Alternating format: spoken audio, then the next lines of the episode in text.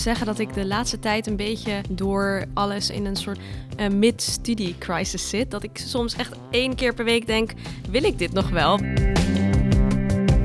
Ik moet wel eerlijk bekennen dat ik afgelopen weekend gewoon zat en ik zat even voor me uit te staren. En ik miste zo dat gevoel met andere mensen samen zijn. En ik denk: oh, ik wil zo graag nu even een avondje gezellig met mensen wat doen. Dat ik echt op een gegeven moment dacht: van jeetje ik kan wel depressief worden. Een beetje gevoel van ja, moedeloosheid, kan ik het zo noemen, of neerslachtigheid of een beetje futloos. Dat herken ik ook. Ik heb ook wel dagen dat ik mezelf echt voor mijn gevoel moet aanzwengelen.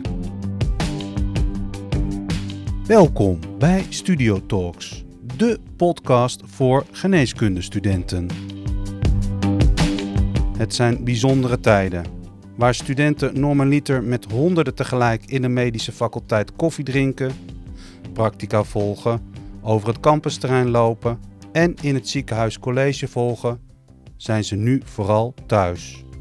Studieadviseurs Marjolein Pauw en Renate Dekker zien in de praktijk waar zij tegenaan lopen. In deze podcastserie gaan zij met studenten en experts in op vragen als: hoe kan ik in tijden van crisis optimaal studeren? Hoe kom ik in contact met medestudenten? Hoe zorg ik voor mezelf en hoe hou ik focus? In deze aflevering spreekt Marjolein Pauw met neurowetenschapper Geert Schenk over corona en het brein. Ook te gast zijn student Lindsay Eppinga en student Dachel Seratan. Welkom allemaal, fijn dat jullie er zijn. Uh, Dachel, zou jij willen vertellen wie je bent en waar je in de opleiding op dit moment bezig bent? Ja, ik ben dus Dachel. Ik um, zit nu in mijn derde jaar en ik volg de minor Cancer Immunity Personalized Therapies. Nog twee weken en dan uh, gaan we soort van naar het gewone curriculum terug. Lindsay, welkom. Ja, hoi. Ik uh, ben Lindsay. Ik ben nu eerstejaars student. Ik ben nu bezig met medisch wetenschappelijk onderzoek. En ja, ik heb het ondanks alle omstandigheden gelukkig heel erg naar mijn zin. Geert, welkom. Dankjewel. Ik ben Geert Schenk, ik ben hersenonderzoeker en universitair docent. Ik werk bij de afdeling Anatomie en Neurowetenschappen. En voor wie mij niet kent, uh, ik ben de cursuscoördinator van Hersenen en Zintuigen en uh, de voorzitter van de opleidingscommissie. Dank jullie wel. En mijn naam is Marjolein Pauw. Ik ben studieadviseur aan de faculteit Geneeskunde. Samen met Renate Dekker bemensen wij de post studieadvies. Dat betekent dat wij alle studenten in de bachelor en in de master spreken en zien die het fijn vinden om te vertellen hoe het met ze gaat. En dan natuurlijk in het bijzonder als het minder goed met ze gaat. Um, dus dat, uh, dat is wat mijn uh, rol is in deze. Voor de duidelijkheid, wij hebben afgesproken dat we elkaar met je en jij en bij de voornamen aanspreken. Voor het geval ze thuis denken, wat zijn die onbeschoft bezig? Dat is niet het geval. en de reden dat we bij elkaar zitten. Nou ja, zoals we allemaal weten is in maart 2019 uh, de coronacrisis ingetreden. We zijn allemaal naar huis gestuurd. Zowel de studenten als de docenten, maar ook de medewerkers van de faculteit zijn allemaal van huis uit gaan werken.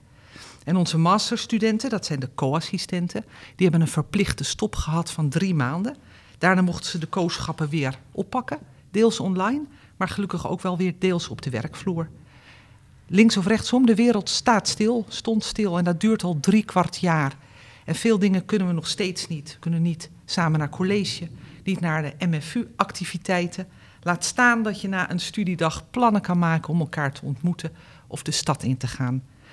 Ik ben zo ontzettend benieuwd of dit, nou dit zal niet anders dan herkenbaar zijn voor jullie. Dachel, hoe is dat voor jou? Ja, het is heel herkenbaar. Ik uh, moet zeggen dat ik de laatste tijd een beetje door uh, dit alles in een soort van, ik noem het een mid-study crisis zit. Dat ik soms echt één keer per week denk, wil ik dit nog wel? Want je hmm. doet niks praktisch. Alles wat mij heel enthousiast maakte over geneeskunde is nu ietsje minder. ik ben nog steeds enthousiast hoor, maar toch denk ik elke keer van, hmm, is dit wel echt waar ik, uh, where I signed up voor, zeg maar. Snap ik. Je moet meer moeite doen, hoor ik je zeggen. Ja, meer moeite doen om dat enthousiasme terug te vinden van naar snijzaal gaan, ehm, LO, lichamelijk onderzoek, MCV-com, dat soort dingen. Dat, dat maakt toch wel een beetje doktertje spelen waarom je hier zit. Ja, en MCV-com, help me even. Ja, de communicatielessen, sorry. Ah, die zijn ook allemaal online. Ja, ik heb er eentje fysiek gehad. Was slecht Hmm. nieuws geven. Dat Hmm. moest dan fysiek. ehm, en dat was dan wel echt een hoogtepunt eh, in deze zes maanden. Ja. Ja, En Lindsay, hoe is dat voor jou? Herken je dat? Ja, nou kijk, alles wat eh Dachel natuurlijk net zegt en heeft meegemaakt, dat eh, hebben wij als eerstejaars nog niet echt gehad. Dus ehm, ja, onze intro was ook online. En eh, nou, ik moet zeggen dat ze het zeg maar voor online'se begrippen echt heel erg leuk hebben gedaan. En het was eh, nog best wel leuk, maar het is natuurlijk heel lastig om mensen zo te ontmoeten en zo toch je studie te beginnen. Ehm, dus ik weet niet hoe het normaal is. Maar ik merk wel dat iedereen echt zijn best doet om het eh, alsnog zo leuk mogelijk te maken. En tuurlijk is het echt best wel jammer dat je je studiegroep maar één keer per maand ziet. Maar ja, we Ja. kunnen er niet heel veel meer aan veranderen. Nee, snap ik. Maar voor jullie eerstejaars dubbel lastig. Want velen Ja. van jullie hebben ook hun eindexamenjaar al in de coronatijd doorgebracht met eh, aangepaste maatregelen. Dan begin je de studie ook nog eens. ja Dat, is zeker niet raar. makkelijk. Ja, zeker. Ja, ik weet nog wel. eh, ik had mijn herkansing op dat moment van een SE. Of eh, het was een inhaalmoment, omdat het niet door kon gaan door corona. En ik ging dat SE in en we kwamen eruit en het was van... ja jongens, de examens gaan niet door. En dan denk je opeens, ik ben geslaagd. Maar het, het werkt helemaal niks van emotie op. Het is Nee. van, oh, ja, eh, nu is het zo, zeg maar. En op dat moment ben je natuurlijk helemaal nog niet bezig met de start van de studie. Bedenk je alleen maar, oh, examenreis, examenfeesten. Ik was 18 geworden. Nou, dat heb je allemaal niet. Dat is Nee. heel jammer. Dat, absoluut. Dat is hartstikke jammer. Ja, Ja. Hoe is dat voor jou, Geert? Want jij studeert niet meer, maar jij doseert. Klopt. Met wetenschapper. Vertel eens. Ja, ja wat betreft eh, wetenschap eh, staat het echt op een eh, lager pitje. Dus dat betekent dat de analisten voeren werk in opdracht uit. En dan krijg ik bijvoorbeeld van een microscopieplaatje een foto toegestuurd. En die kan ik dan op de computer beoordelen. Dus ik hoef eigenlijk niet in het lab te komen om dat te doen. Wat betreft onderwijs is eigenlijk ook alles online. En in het begin was het onwennig. Dat is het nu niet meer, moet ik zeggen. Maar het is wel minder leuk. Want wat het bijzonder maakt, het onderwijs, is als je in een zaal de sfeer kan proeven en ziet op iemands gezicht, hé, hey, die snapt het. Of die is geïnteresseerd. Of die stelt een vraag even tussendoor in de pauze. Dat gebeurt nu niet. Als je nu een kleine break doet bij een college, gaan alle camera's op zwart. Dus die interactie is eigenlijk veel minder. Ja, snap ik. En je werkt vanuit huis met een gezin. Dus je hebt ook je kinderen en partner die vanuit huis werken. Klopt. Ja. Ja, en dat is wel eens. ehm, nou, moeten we even kijken wie, wie waar gaat zitten eh, qua werken. Mhm. En eh, mijn twee dochters die gaan inmiddels eh, alweer geruime tijd naar school. Maar er was natuurlijk een tijdje in het begin dat ze ook thuis scholing moesten krijgen. En dat te combineren met onze banen, dat was wel een uitdaging. Ja, zo herkenbaar wat jullie vertellen. Zeker Geert, als jij vertelt, ik spreek de studenten van achter het scherm. Dat doen wij natuurlijk als studieadviseurs ook. Dat is echt heel anders. Ook om te zien dat iemand in de put zit en verdrietig is. eh, als je elkaar online ziet, is, is echt ingewikkeld. En los daarvan, zoals jullie als studenten ook beschrijven, dat je sociale contacten op dit moment op nul staan. Ik voel me wat dat betreft eh, sociaal wel eh, verschrompeld, eh, moet ik je zeggen. Ja, ja want een, eh, iemand even een knuffel geven of een high five, het zijn kle- kleine dingen, maar die helpen enorm. Klopt. Die kleine dingen worden opeens heel groot. Niet alleen studenten hebben te maken met corona, ook artsen zien hun werkend leven helemaal overhoop gegooid. We gaan bellen met Frits Kleine Hammans. Frits is psychiater bij de GGZ in Geest en ook betrokken bij ons kooschap psychiatrie in de master. Ik werk eh, bij GGZ Ingeest, een grote GGZ-instelling in Amsterdam. En eh, ik werk in Nieuw-West. Voor mensen die eigenlijk eh, naast een ernstige psychiatrische aandoening ook nog wel allerhande andere problemen hebben, vaak op sociaal-maatschappelijk vlak. Ik kan bijna alles thuis, dat is heel leuk. We werken met een heel nieuw ICT-systeem sinds een aantal maanden, waarin we allemaal ehm zo'n oogje hebben als webcam. En we hebben ook gewoon smartphones. Dus wij doen superveel eh online, terwijl ik lekker thuis zit. Sommige dingen zie je beter. Dat is eigenlijk best heel grappig. Als mensen heel geconcentreerd achter een laptopcamera zitten, kan je bijvoorbeeld soms veel beter naar subtiele details kijken, zoals de mimiek of eigenlijk ook bewegingsstoornissen op het oog komen. Terwijl je normaal niet zo lang voor iemands neus zit. Nou, ik loop er toch wel tegen aan dat een aantal mensen uh, nog meer uh, verpieteren en ook wel uh, vereenzamen. Er is ook wel onderzoek naar gedaan dat er toch wel een flinke golf aan psychopathologie wordt verwacht. Angst en stemmingstoornissen komen sowieso al heel veel voor in de algemene bevolking. En nou, voor een deel van de mensen die daar kwetsbaar voor zijn, zie ik dat nu inderdaad ook wel toegenomen.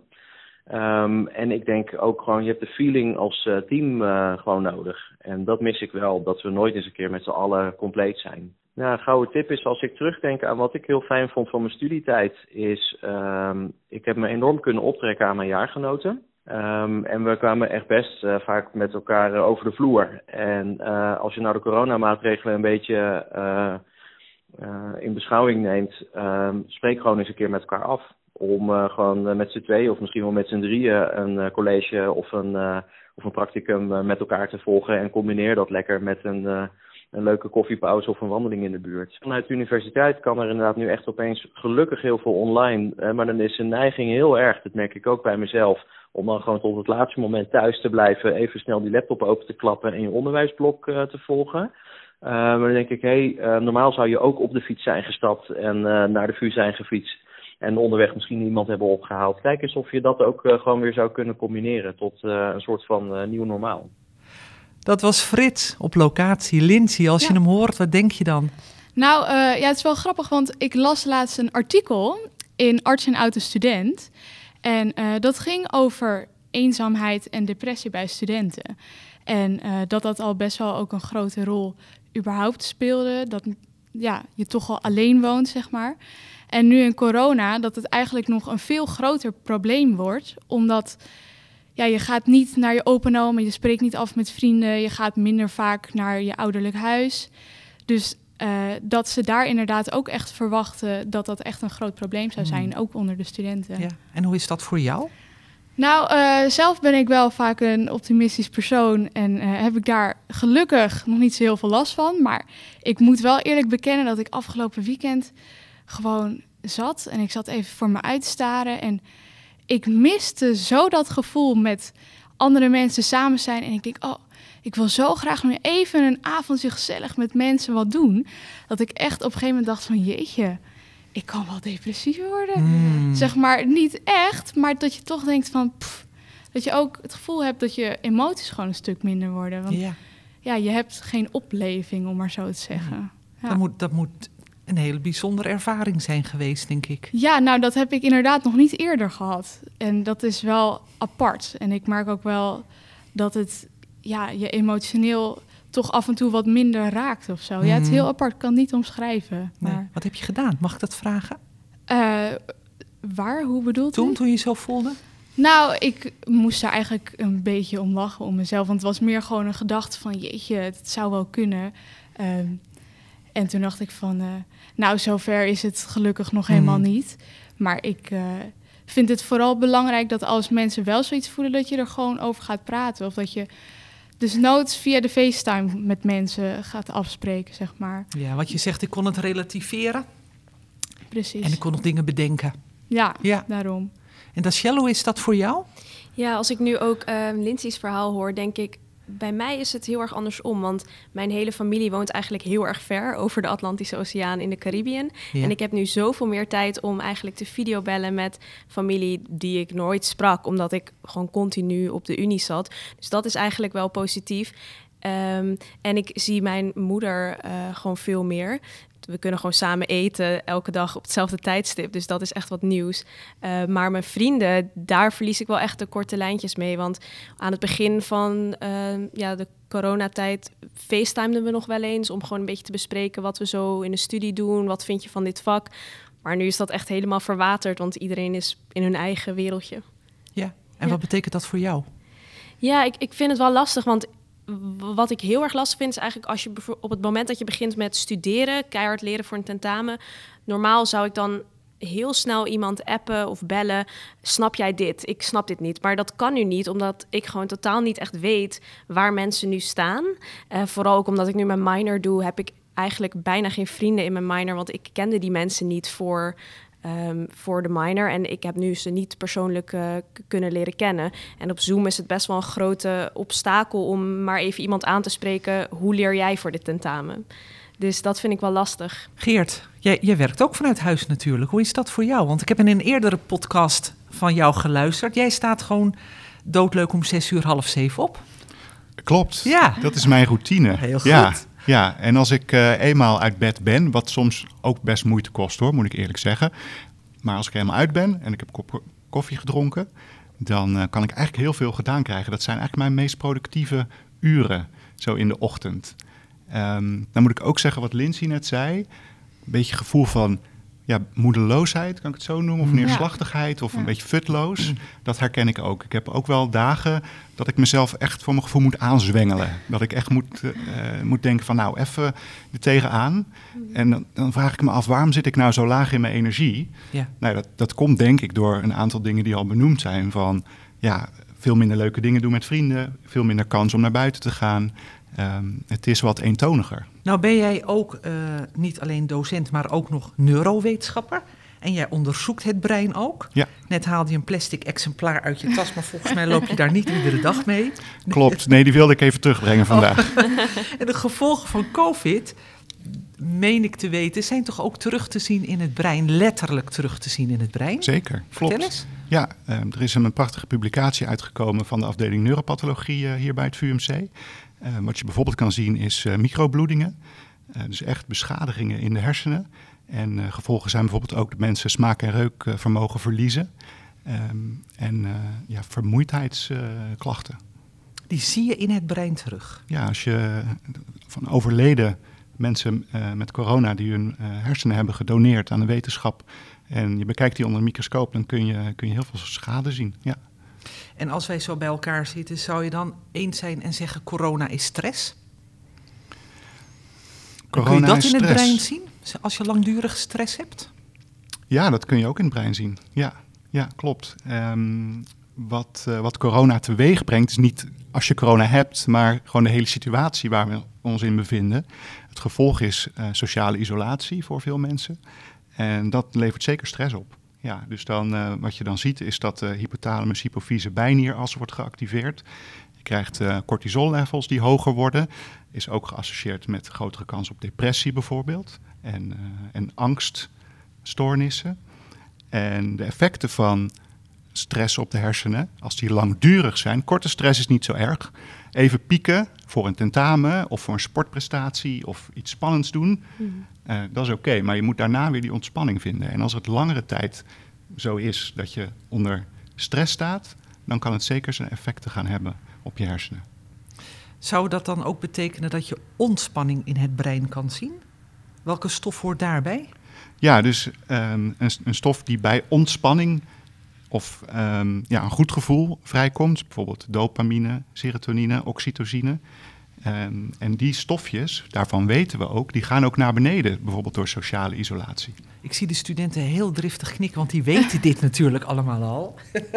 Wat zou je studenten adviseren, nou het brein figuurlijk zo onder vuur ligt, om het maar zo te noemen? Ja, nou het is dus de kunst om te zorgen dat je eh, stressniveaus niet altijd hoog zijn.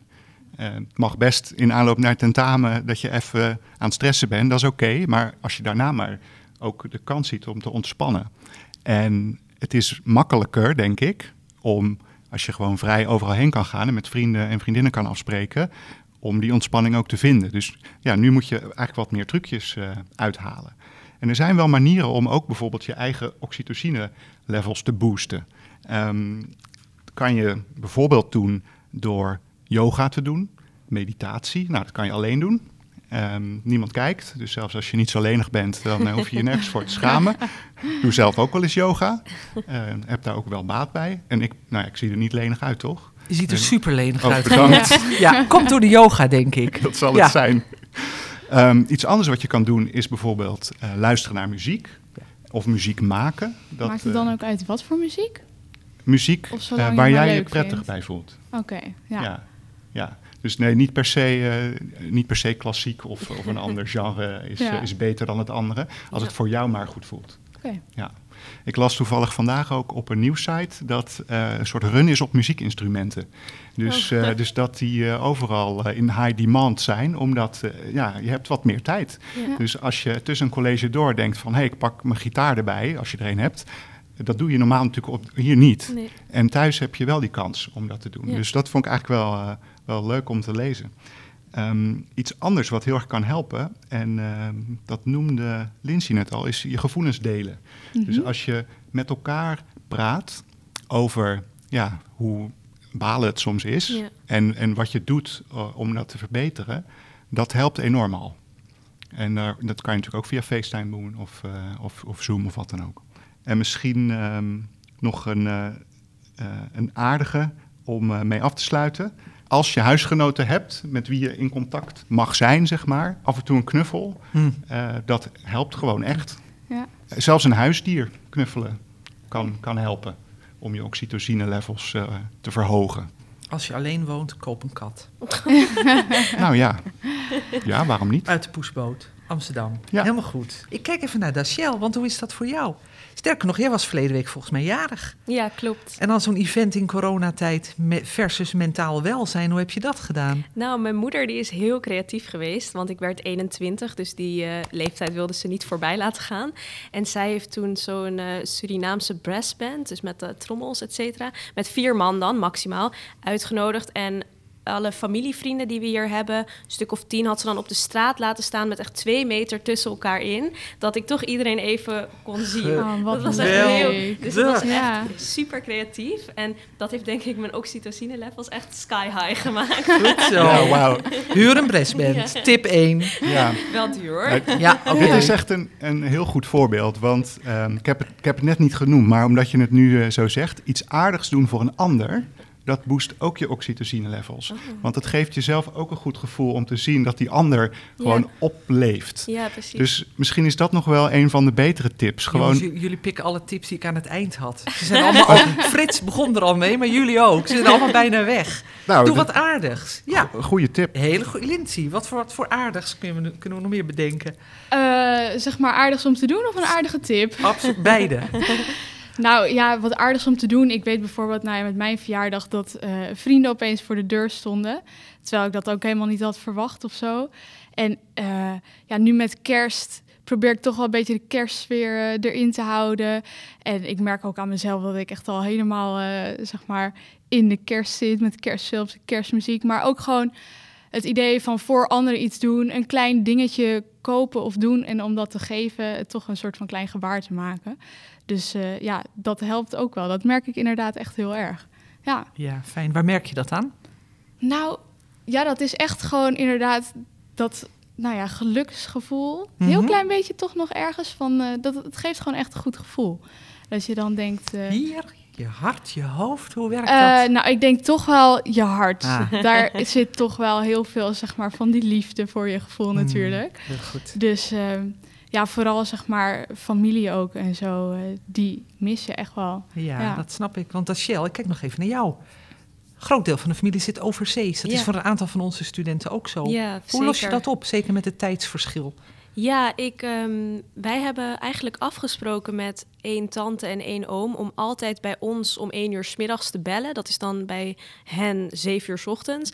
En dan hebben we een dagelijks gesprek van tien minuten om even te kijken hoe het gaat. Uh, waarbij dan ook mijn nichtje, et cetera, gewoon even meekijkt en uh, gedag zegt. Dus dat is eigenlijk wel heel leuk, want dan weet je ook hoe het daar gaat. Zo'n tijdstip kon ik niet afspreken als er geen coronatijd was. Want dan zit ik natuurlijk gewoon in de collegezaal. Dus dat is uh, eigenlijk wel geluk bij een ongeluk. Ja, ja, snap ik. En herken jij van de dingen die gezegd worden ook de dingen voor jezelf in het dagelijks leven? Dingetjes doen voor een ander, kleine geluksmomenten die de dag kleuren. Ja, zeker. Ja, ik ben altijd al echt uh, heel erg fan geweest van cadeautjes kopen en uh, um, ja, mensen wat geven. Dus nu al helemaal. Ik zit nu al de hele dag uh, op een Black Friday sales te kijken voor kerstcadeaus. omdat ik zo graag iets leuks wil geven. Dus ja, ik, ik herken het wel echt. Dankjewel. Geert, je hebt zoveel opgeschreven, zie ik. Zijn er nog dingen waarvan jij denkt, die wil ik echt nog even delen voordat we gaan afsluiten? Nou, misschien om op een uh, positieve noot te eindigen. Want corona, um, zoals Rachel net aangaf, biedt soms ook kansen die je anders niet krijgt. En um, toen ik hierover aan het nadenken was en een beetje aan het, aan het inlezen, zo gezegd, over dit onderwerp, toen vond ik een, een studie waarbij ze eigenlijk zeiden van nou, deze hele situatie wereldwijd is het grootste voorbeeld van sociale isolatie in de geschiedenis van de mensheid. Wat enorm bijzonder is natuurlijk. En zij hebben dit gebruikt om eigenlijk onderzoek te doen naar de gevolgen daarvan. En dat eigenlijk doorgetrokken naar een beetje een futuristische scenario, namelijk uh, lange afstands uh, ruimtevluchten. Oh. Waarin je met een hele grote crew um, voor hele lange tijd een soort van ja, geïsoleerd uh, zou moeten zitten voordat je dan op Mars of ik weet niet wat voor planeet aan zou komen. En dat was gewoon serieus een wetenschappelijke publicatie. Dat ik dacht van wauw, nou dit is wel echt heel creatief eh, gedacht om deze eh, ja, data die, die nu verzameld wordt, Ja. om die nuttig, nou nuttig, interessant Ja. te gebruiken. Ja. Normaal gesproken zijn natuurlijk nooit mensen zo even isoleren. Dat zou niemand leuk vinden. Ja, of je moet er gewoon heel veel betaald voor krijgen. Nou ja, precies. Zeker nu we het allemaal mee hebben gemaakt, eh, zou ik wel echt een hoge prijs ervoor vragen om het eh, nog een keer te doen. Vrijwillig. Inderdaad, ik zou niet Ja. vrijwillig negen maanden zo. eh, Nee, daarom. Ja. Niemand, denk ik. Toch? Nee. nee. Zo fijn om met jullie hierover te praten. Zo herkenbaar ook allemaal. om- om te horen waar jullie allemaal eh, nou ja, mee bezig zijn en wat jullie ervaren. Ook als studieadviseurs merken wij natuurlijk in het dagelijks werk dat, eh, dat dit soort dingen allemaal naar voren komen. En dat jullie daar thuis ook allemaal mee bezig zijn. Wat wij eigenlijk proberen te zeggen is: hou het simpel waar het kan. Want het leven is al lastig genoeg en het lijkt een dooddoener. Maar met dat voornemen kom je ook wel een heel eind. Frits en, en, en, en Geert, maar jullie ook hebben al heel veel tips gegeven. Ehm, wat wij ook nog wel eens zeggen: wees creatief. Pak een oude hobby op of begin een nieuwe. Ga breien of haken. Brei een sjaal Ja, voor je dat doe tante. ja, ik Precies. heb gedaan. al een corona-hobby ontwikkeld. Ja, Ja. een sjaal voor je tutor. Je kan niet genoeg sjaals hebben in je kast, Oh. toch? Geert, als je er straks met vier rondloopt, dan weten we waar het vandaan komt. Maar ook, ga naar buiten. Eh, tip die ik dan misschien heb, ik leen de hond van de buren. Tussen Oh, de middag, handig. ja, dan ga ik de hond ophalen en dan zeg ik, kom maar mee. Ehm, en zeker in deze tijden is dat lastig om aan het einde van de dag je buitenwandeling te maken, merk Ja. ik. Want rond vier uur, half vijf gaat het al schemeren. Maar tussen de middag naar buiten, dat scheelt een hoop. Wandelen, buitenlucht. En zeker onze co-assistenten die lange dagen, eh, vaak flink ingepakt tegen het COVID-virus op de afdelingen zitten, hoop ik dat ook zij in de weekenden en op de dagen dat ze misschien vrij zijn, mogelijkheid hebben om, eh, om lekker naar buiten te kunnen. Maar ook samen studeren, wat Frits al zei. Kijk naar wat er wel mogelijk is. Samen wandelen. Elkaar uitnodigen, beginnen of eindigen met een lekkere lunch. Het hoeft allemaal niet heel duur te zijn, maar even wat aandacht eh, daarvoor. En als dat niet lukt, kun je zelfs, daar, Renate vertelde me dat er zelfs een site is, dat je een buddy kunt vinden, waar dan ook ter wereld, die met je meestudeert op het scherm. Maar dat kan natuurlijk ook met je studiegenoten. Op FaceTime, ik weet dat mijn eigen dochter dat ook doet, op FaceTime met iemand anders in een andere stad. Samen studeren en je koffiepauze nemen. En nou weet ik ook dat het makkelijk gezegd is, hou het simpel. Want soms lukt dat niet. En zeker als het heel klein wordt of heel groot en het je overspoelt, blijft natuurlijk uiteindelijk toch de belangrijkste advies. Spreek je uit, gun het jezelf, dat je daarvoor aandacht en tijd vraagt. Eh, want dat verdient natuurlijk een ieder in deze tijd. Het is zo lastig voor iedereen. Spreek met je vriend of vriendin, je ouders, je studiegenoten, de studieadviseurs uiteraard. En gun het een ander ook dat hij wat voor jou kan betekenen. Want inmiddels weet ik dat je daar heel veel oxytocine Geert van krijgt. Zeker. Voor ik ga afronden, ga ik nog even een rondje maken. Ik ga bij jou beginnen, Geert, voordat we gaan afsluiten. Hoe was het en hoe, wat neem je mee naar huis? De take-home message, zeg je als docent, toch? Klopt. nou, als ik heel eerlijk ben, vond ik dit samen zijn al eh, een cadeautje. Hmm. Superleuk om er even uit te zijn en eh, met echte mensen aan tafel te zitten. En ehm, dat is denk ik ook wel, het is al genoemd, maar dat is iets waar ik zelf naar ga streven. Om gewoon één of twee vrienden op de koffie uit te Ja. nodigen. We werken allemaal thuis. Neem gewoon een uurtje om elkaar te ontmoeten en even te horen hoe het gaat. En ehm, dat heeft verder niet zoveel om het lijf, maar ik denk dat dat wel heel veel goed kan doen. Dank je. Lindsay. Ja, nou, eh, voor mij inderdaad ook een tip die eh, al gezegd is, volgens mij door Frits, ehm, dat je dingen ook met elkaar kan doen. Dus bijvoorbeeld uh, doe ik nu ook al een klein dingetje samen. Dat is een online activiteit van de MFU. En dan gaan we toch met twee of drie mensen, zeg maar, achter de camera, die uh, workshop is het in dit geval, volgen. En uh, nou, dat is voor mij dan het eerst om het zo uh, te doen. Maar ik vond dat echt wel een goed idee. En ik ga me ook echt wel voornemen om dat zeker vaker te doen. Om toch op die manier nog wat leuke dingen met elkaar te doen. Ja, goed om te horen. Dankjewel. Dachelle. Ja, ik denk dat ik de leukste tip van Geert vond eigenlijk um, maak muziek, luister naar muziek. Want ik um, zing eigenlijk al mijn hele leven en heb dat opzij gezet. Dus ik ga dat zeker weer oppakken en dan uh, mijn oxytocine, et cetera, boosten. dus dat lijkt me een mooi voornemen. Dankjewel. Dan wil ik jullie bedanken voor het komen. Ik vond het ontzettend leuk om hier met jullie aan tafel te zitten. Mijn oxytocine level is zeker hoger dan ja. toen ik hier kwam. Dus uh, dank daarvoor en ik hoop uh, tot snel weer. Dit was Studio Talks, de podcastserie voor en met studenten geneeskunde. De presentatie was in handen van Marjolein Pauw. Je kunt deze serie op het studentenplatform www.studiovu.nl beluisteren en op het Amsterdam UMC Spotify-account. Heb je vragen, zorgen of tips of wil je als student deelnemen aan deze podcastserie? Schroom dan niet en neem contact op met onze studieadviseurs. Tot de volgende aflevering van Studio Talks.